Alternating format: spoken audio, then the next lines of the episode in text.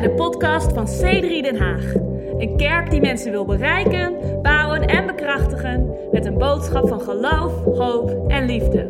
We hopen dat deze podcast je verfrist en inspireert. Romeinen 5, vers 3 tot met 5. Wij roemen ook in de verdrukkingen, omdat wij weten dat de verdrukking volharding teweeg brengt. En de volharding ondervinding en de ondervinding hoop. En de hoop beschaamt niet, omdat de liefde van God in onze harten uitgestort is door de Heilige Geest die ons gegeven is. Een heel mooie tekst dat juist onze boodschap van hoop en Pinksteren samenbrengt vandaag. Dus laten we bidden. Vader God, ik dank u dat u een God bent van hoop. U bent de bron van alle hoop. En ik bid dat vandaag, terwijl we de tijd nemen om uh, te duiken in uw woord, dat uw hoop in ons hart uh, zou, uh, zou komen en dat het zou groeien en dat we zullen wandelen in uw hoop. Ik bid dat u tot ons zou spreken, dat u mij zou helpen om deze boodschap te geven. In Jezus' naam. Amen. Nou, ik wil beginnen met een verhaal. En uh, dit verhaal begon, uh, ja, ik denk een jaar of twee geleden. Op een hele mooie zaterdagochtend werd ik wakker en er was niks bijzonders aan deze dag. Het begon heel normaal, even ontbijten met de kinderen en met Lucas praten, even wat zullen we doen. En meestal gaan we even de deur uit op een gegeven moment naar een speeltuin of zo met de kinderen. En uh, wat ik niet wist, is dat ik binnen een paar uur uh, buiten mijn huis in onze straat op de grond, op de voetpad, plat zou liggen met een rubberen handschoen op mijn hand en mijn barbecue tong in, uh, ja, vastgehouden uh, met mijn arm in de goot van de straat. Nou, als je mij had verteld, dat ga je zo meteen doen, had ik waarschijnlijk uitgelachen. Of misschien had ik niet eens gedurfd om de deur uit te gaan. Ik dacht, ja, waarom zou ik ooit zo gek zijn om dat te proberen? Maar ik, uh, ik ga gewoon onbeschaamd vertellen, dat heb ik echt uh, gedaan op deze zaterdag. En, uh, en nu waarom? toen ik naar buiten liep, ik had natuurlijk de autosleutel in mijn hand, even open mijn zoontje op mijn arm en ik deed mijn zoon in de autostoel. En precies op dat moment glipte die autosleutel uit mijn hand. En nee, het viel niet in de auto. En natuurlijk viel het niet alleen maar op de voetpad, maar het was zo, het moest zo zijn dat onze auto precies boven de goot was geparkeerd. En die autosleutel die glipte gewoon in één seconde gelijk de goot in. En ik had precies zo'n soort freak-out moment waar je denkt Weet je, kan ik nu gewoon de tijd even 10 seconden terugdraaien wanneer die autosleutel nog gewoon lekker in mijn hand was? Maar dat is natuurlijk niet mogelijk. Dus uh, ik rende gewoon zo snel mogelijk naar binnen. Lucas, ik heb de auto in de goot uh, laten vallen. Nou, hier is het grootste probleem. Weet je, vroeger toen ik mijn eerste auto kreeg, uh, kreeg ik de autosleutel en het zag er ongeveer precies uit als een, als een huissleutel. Autosleutels waren vroeger heel simpel en je kon ze opnieuw laten maken. Maar tegenwoordig zijn autosleutels echt hele slimme, complexe dingen. En uh, die zijn heel duur. Met onze autosleutel kan ik natuurlijk van afstand de auto open doen, maar ook uh, de alarm laten afgaan, de achterbak laten open doen. Ik hoef er ook niet ergens in te steken. Het kan ook gewoon in mijn, zak zitten en dan kan ik auto rijden. En onze autosleutel is ook zo slim dat als ik in de auto stap, die denkt, oh, daar is Nicolas' autosleutel en mijn stoel gaat gelijk gewoon precies uh, in de juiste stand voor mij. Dus super heerlijk. Maar het betekent dat zo'n autosleutel echt gewoon, weet ik, ja, honderden euro's waard is. En dat wist ik ook, omdat ik wel eens een keertje eerder mijn autosleutel heb kwijtgeraakt en gelukkig weer gevonden. Maar dus ik wist dat ik net gewoon een paar honderd euro in de goot had laten vallen. Dus het uh, eerste wat ik deed, is uh, ik pakte een rubberen handschoen. Heb ik hier. Rubberen handschoen. En uh, ik dacht, oh, dat vis ik wel even uit. Dus uh, ik probeerde dat rooster eraf te halen, maar dat, uh, dat lukte niet. Dat was echt gewoon super zwaar. Toen kwam Lucas, hij zei, oh, ik haal het er wel af. En Lucas heeft heel veel spieren, zoals jullie al weten. Hij is echt super sterk. Maar het was gewoon niet mogelijk, het was op slot. Dus ik deed mijn ogen gewoon dik dicht. Ik wist niet wat ga ik ontdekken en ik deed mijn hand erin en ik voelde een heleboel water en het was best wel diep. Dus toen rende ik het huis in en um, lach me alsjeblieft niet uit, maar ik pakte een soeplepel, uh, ja, een soeplepel. Ik dacht, oh, ik vis de autosleutel uh, eruit gewoon, dat water. En uh, weet je, de, de, het was best wel smal. Alleen mijn arm paste erin tot misschien hier. Lucas' arm paste er helemaal niet in. En dat vond hij super jammer natuurlijk, dat hij me niet kan helpen. Want dat hij, had hij heel graag voor mij willen doen. Maar goed, dus ik deed de soeplepel en dat was echt zo diep. Ik wist, misschien weet jij het al, maar zo'n groot bij de straat. Ik dacht, ja, misschien zo diep, maar het is echt, echt gewoon meer dan een halve meter, misschien wel een meter. En ik voelde alleen water en toen dacht ik, Nicola, denk. Weet je, soms als je een beetje paniek bent, denk je niet helder. Ik dacht, een autosleutel, dat gaat niet drijven. Dat gaat gewoon gelijk onderaan. Dus toen rende ik het huis binnen en ik pakte mijn barbecue tang. En misschien uh, denken sommigen van jullie, oh wauw, ik ben laatst op een barbecue geweest bij Lucas en Nicola. Maar we hebben het natuurlijk hierna heel goed schoongemaakt, kan ik je vertellen. Ik dacht, ik pak het gewoon even uit. Dus ik ging zo graven, weet je, met mijn tang. En ik raakte de bodem. Nou, ongeveer nu dacht ik, Nicola, wat ben je gek geweest? Weet je, dit heeft geen zin. Die autosleutel is weg. Lucas zei ook tegen me, Nicola, weet je, laat maar, dat ding is kwijt. Weet je, je gaat hem niet vinden. Maar toen ik de bodem aanraakte, en het was echt gewoon, denk, ja, bijna een meter diep, die groot, dacht ik, mijn sleutel moet gewoon de bodem hebben geraakt. Maar hoe vis ik het ooit uit, gewoon in de donker, in het water. Maar ik had weer hoop. Ja, het heeft wel met hoop te maken. En toen pakte ik dit. Dit is een hele sterke magneet met een oogje die ik ooit uh, online heb gekocht. Vraag me niet waarom. Heel lang verhaal. Ik had een paar verkocht. Ik ga nu, ik maak het vast met de touw hier, maar ik ga het gewoon zo doen. En ik, ik deed mijn, mijn tong nog, dat alle, ik dacht, ik probeer nog één keertje. En anders moet ik gewoon accepteren, het is kwijt. En ik, kan je, ik ben zo trots te zeggen, ik deed dit ding in en ik haalde mijn autosleutel eruit. Ik had eigenlijk mijn autosleutel nooit bij me moeten hebben om te laten zien. En weet je wat? Een uur in de oven, een warme oven, licht aan en een beetje rijst. En mijn autosleutel was weer zo goed als nu. Dus ik was super trots. Maar er ging echt één gedachte door mijn hoofd van... Man, wat als ik nou niet die laatste keer weer terug was gegaan om dat te proberen. Wat als ik nou had opgegeven? Net, net die ene keer, want mijn sleutel lag er wel om gevonden te worden met een magneet. Maar stel dat ik het had opgegeven. Weet je, wij hebben heel vaak in ons leven de keuze. Uh, geven we op of houden we vast aan hoop? En hoop is echt een krachtig iets. Hoop is een, een krachtige motivator. Uh, waarom zouden we gekke dingen doen als we geen hoop hadden? Waarom, we überhaupt, waarom zouden we überhaupt iets doen zonder hoop? Hoop is de reden waarom we uh, kunnen volhouden wanneer dingen niet uh, goed gaan. Hoop is de reden waarom we ons inspannen en inzetten, waarom we werken, ook al zien we niet direct resultaat. Wij, wij, bijna alles wat wij doen, doen we omdat we hoop hebben op succes of op resultaat, of op dat onze inspanning uh, worden beloond.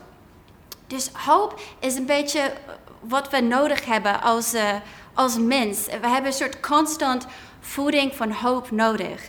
En uh, zonder hoop ja, willen we natuurlijk opgeven. En wij staan heel vaak in situaties in ons leven wanneer we de keuze moeten maken. Geven we op of houden we vast aan hoop? Gaan we door? Volharden we? Weet je, zullen we, ja, geven we op wel of niet? En soms gaat het over kleine dingen. Dus bij mij, nou, de autosleutel, ja, ik vond het niet super klein, want het ging over een paar honderd euro. Maar soms hebben we het over de grote dingen in het leven. Weet je, als je je hoop begint kwijt te raken, dan verlies je de moed om door te gaan. Weet je, ga ik nog ooit mijn diploma halen? Of gaat deze relatie ooit worden verbeterd? Weet je, wordt mijn relatie met mijn ouders bijvoorbeeld ooit beter? Of misschien in je huwelijk. Wordt mijn huwelijk ooit beter? Gaat het werken? Of in onze gezondheid denken, ja, word ik ooit weer gezond? Ooit weer zo sterk als de oude? dit zijn hele belangrijke vragen waar we op zoek zijn naar hoop. Dus vandaag wil ik het je hebben over een verhaal in de Bijbel waar we heel duidelijk deze keuze zien. En dit is in Marcus uh, vers 5. Sorry, Marcus hoofdstuk 5, vers 22. En dan lezen we dit. Er kwam een man naar Jezus toe die voor hem op de knieën viel. Het was Jairus, de leider van de synagoog uit de buurt. Hij was radeloos omdat zijn dochtertje op sterven lag. Wilt u alstublieft meekomen om uw handen op haar te leggen, smeekte hij. Dan zal ze beter worden en blijven leven. En Jezus ging met hem mee en de mensen liepen achter hem en verdrongen zich om hem. En daarna wordt dit verhaal onderbroken door een ander verhaal. Want in die menigte was een vrouw die al twaalf jaar bloed verloor. En zij drong zich door de menigte heen en ze raakte Jezus' mantel aan en zij werd gelijk genezen. En het verhaal van Jairus en zijn dochter wordt onderbroken door uh, deze genezing. En dan lezen we verder in vers 35. Uh, terwijl Jezus nog met haar sprak, dus die man, uh, sorry, die vrouw die net genezen werd, um, kwamen er mensen met een boodschap voor Jairus. Uw dochter is al gestorven. Hij het heeft nu geen zin meer dat de meester met u meegaat. Jezus hoorde het en zei tegen Jairus: Wees niet ongerust, blijf geloven. Hij wilde niet dat er veel mensen met hem meegingen, alleen Petrus, Jacobus, Johannes mochten mee. En ik vind de timing in dit verhaal echt super bijzonder. Want stel dat de vrouw als eerst Jezus had aangeraakt voordat Jairus Jezus had ontmoet. En de mensen met de boodschap hadden uh, Jairus gesproken voordat hij Jezus had gesproken. Het scheelde maar, het klinkt alsof het maar een kwartiertje scheelde, misschien zelfs minder, dat uh, de boodschap kwam. De boodschap van, weet je, stoor Jezus niet. Het heeft geen zin meer, laat maar, het is te laat. En ik weet dat toen Jairus deze boodschap hoorde, dat hij de hoop verloor. Er was geen hoop meer, het was over. Ik denk dat hij waarschijnlijk gewoon naar huis was gegaan. Maar de timing ging niet zo. Hij had net Jezus ontmoet. Omdat hij net Jezus had ontmoet, zei Jezus gelijk tegen hem: Wees niet ongerust. Andere vertalingen zeggen: Wees niet bang, blijf geloven. En misschien ken jij dit verhaal ook in jouw leven. Dat de timing dat jij Jezus ontmoette zo bijzonder is. Precies dat je Jezus, uh, je ontmoet Jezus en dan precies daarna heb je hem nodig. Je hebt het nodig om zijn woorden van hoop te horen. Ik moest ook nadenken toen ik deze boodschap aan het voorbereiden was. Hoe ik, um, mijn vader is overleden eigenlijk toen ik uh, negen was.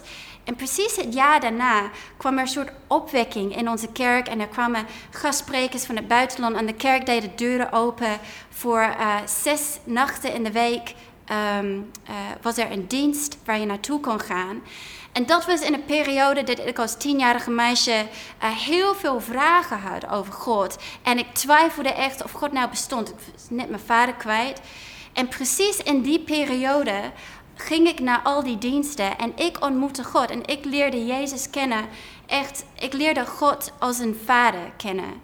Precies wanneer ik dat nodig had, wat een enorm groot verschil maakte voor mij als tienermeisje en ook voor mijn leven natuurlijk. Maar de timing is zo belangrijk en wij als kerk kunnen Jezus brengen in het leven van mensen precies op het juiste moment om dat woord te geven van hoop. Dus dat is interessant om daarover na te denken. Maar Jairus, hij zat dus tussen die twee stemmen.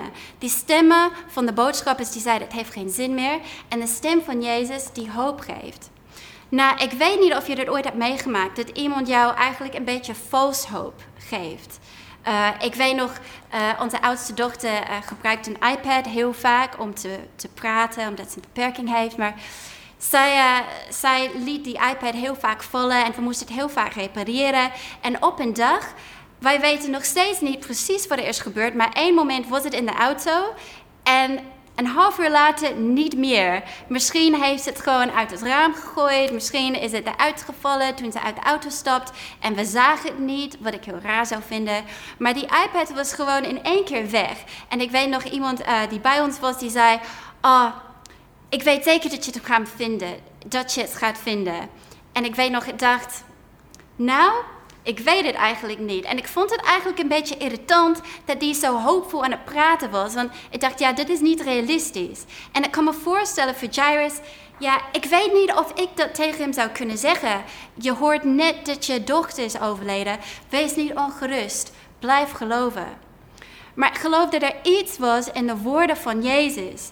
Dat uh, er was uh, um, de klank van waarheid in de woorden. De klank van hoop en de klank van kracht. Want Jezus had de kracht om zijn dochter te genezen. En wij hebben nog steeds de, de woorden van Jezus met ons uh, in de Bijbel, maar ook we hebben nog steeds de Heilige Geest met ons om de woorden van Jezus tot leven te brengen bij ons. En ik kan je vertellen, uh, wij willen als kerk, als kerk, wij geven geen vals hoop. Als wij ons hoop baseren op de woorden van Jezus en op de woorden in de Bijbel, dan is het geen vals hoop. Het is een hoop waar je echt op kan bouwen. Het is een hoop dat waar is. Het is een hoop dat ons enorm kan bemoedigen. Het is een hoop waar we op, waarop we kunnen bouwen. En er is een hele interessante tekst in Efesisch 1. Dat wil ik even voorlezen. Uh, 1, 17 en 18. Uh, Paulus die schrijft tot de kerk en hij zegt... Ik hou niet op voor u te bidden, opdat de God van onze Heer Jezus Christus, de Vader van de heerlijkheid, u de geest van wijsheid en van openbaring geeft in het kennen van Hem. Namelijk verlicht de ogen van uw verstand om te weten wat de hoop van Zijn roeping is. In andere woorden, Paulus bidt dat wij zullen weten wat de hoop is voor onze roeping. En heel vaak weten we eigenlijk niet echt wat de hoop is. We hebben het de hele tijd over. Weet je, God is een God van geloof, hoop en liefde. En heel vaak staan we meer stil bij geloof en liefde. Maar hoop, wat is de hoop eigenlijk die we hebben? Nou, Lucas heeft er al over gepreekt in de eerste dienst over hoe we een hoop hebben. Niet alleen maar voor het leven, maar voor het leven hierna. We hebben een eeuwige hoop. En we hebben ook heel veel hoop voor het leven nu. En wij moeten als christenen de Bijbel induiken om te ontdekken wat is de hoop die we nu hebben. Wat is het eigenlijk? En weet je, de allereerste tekst die ik las in het begin over het is verdrukking die volharding brengt en volharding karakter en karakter hoop. Uh, het is juist in momenten van verdrukking, juist in moeilijke momenten, dat dat hoop in ons bouwt. Want het is juist hoop die ons motiveert om door te gaan. Het is juist vanwege hoop dat we kunnen volhouden. Het is vanwege hoop dat wij niet opgeven, maar dat wij door de verdrukking heen komen. En vaak in momenten waar het niet uh, waar het tegen zit, waar het niet goed gaat, is het moment om te duiken in wat voor hoop hebben we. En ik kan er heel lang over praten, maar gewoon even een paar teksten in Romeinen 8, 28 weten we. Jezus zegt, alles ten goede werkt voor wie hem lief heeft. God is in staat om zelfs de dingen die niet goed gaan ten goede te laten werken. Jeremia 29, 11. God zegt, ik weet de plannen die ik voor u heb. Uh, plannen voor een hoop en een toekomst. Wij weten dat wanneer wij in God geloven, dat wij de toekomst niet hoeven te vrezen. Ik wil jou nu vertellen, jouw toekomst ziet er goed uit. Het maakt niet uit wat er nu in de wereld gebeurt. Jouw toekomst is zeker in Jezus Christus. God zal je nooit in de steek laten. Hij zal voor je zorgen. Dat is ook een belofte die we hebben. Dat Jezus zegt, ik zal altijd bij jou zijn. Uh, nog een hele mooie, maar ik kan natuurlijk heel lang doorgaan. Spreuken 4:18. Het pad van rechtvaardigen is als een schijnend licht dat gaandeweg helderder gaat schijnen tot het volledig dag is geworden. Dat vind ik zo'n mooi beeld, dat ons pad nog steeds helderder zou schijnen wanneer we God volgen. God zorgt ervoor dat, uh, dat ons leven steeds mooier wordt. Hij weet hoe hij alles ten goede kan werken. Dus soms moeten we de keuze maken. Naar wie gaan we luisteren? De stemmen van ontmoediging of de stem van Jezus, de stem van hoop? En dan om te eindigen met dit uh, gedachte, om het verhaal af te maken ook. Uh, ik zal even het verhaal af, uh, afmaken en dan uh, heb ik nog één ding om te zeggen. Marcus 5, eh, vers 38. Toen zij bij het huis van Jairus kwamen, klonk daar gehuil en gejammer. Jezus ging naar binnen en vroeg: Waarom maakt uw zoon lawaai? Wat is dat gehuil voor nodig? Uw kind is niet gestorven, het slaapt.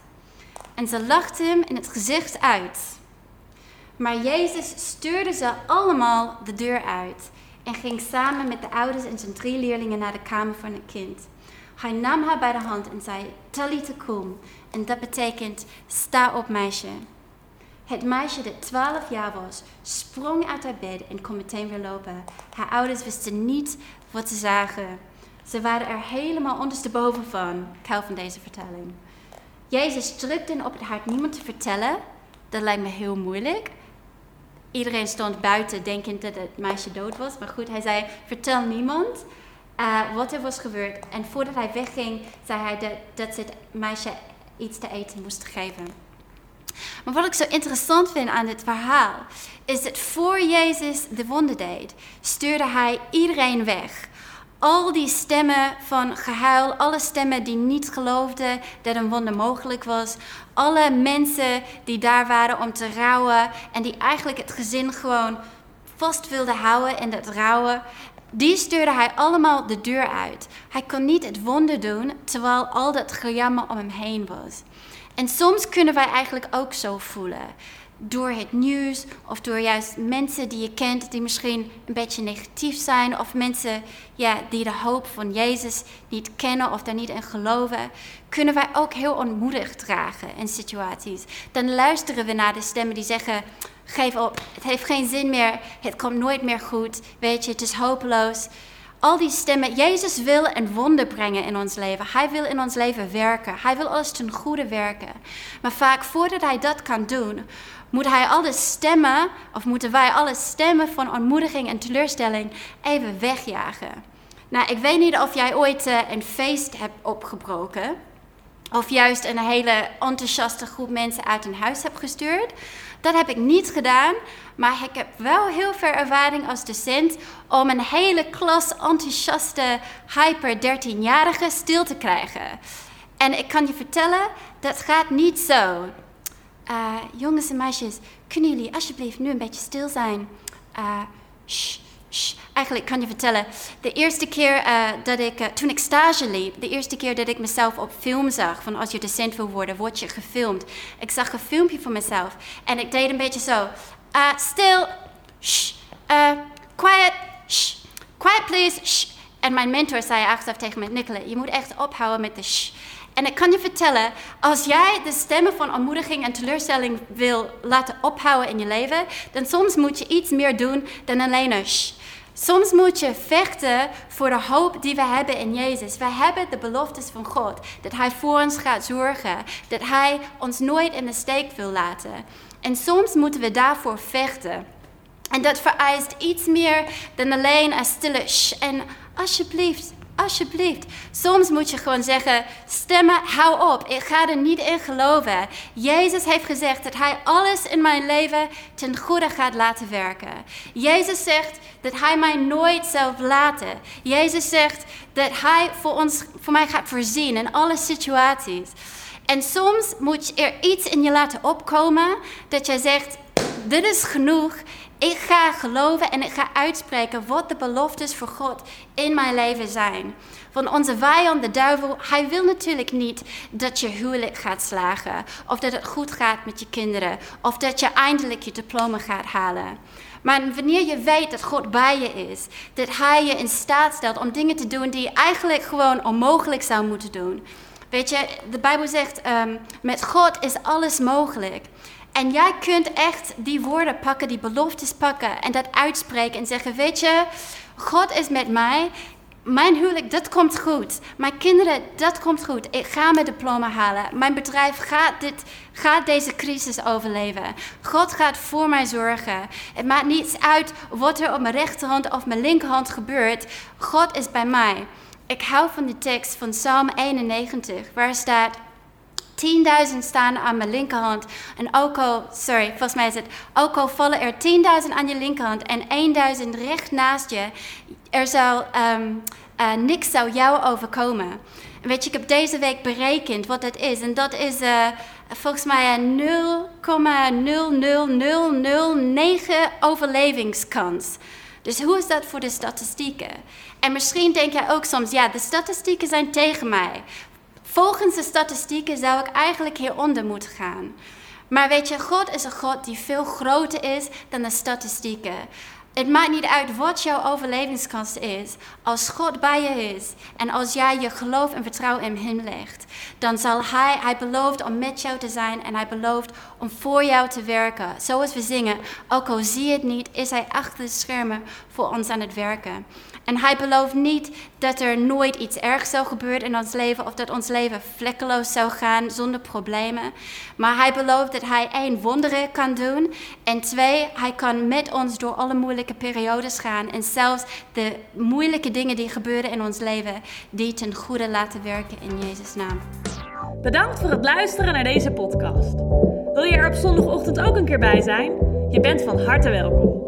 Ga voor meer informatie naar c3denhaag.nl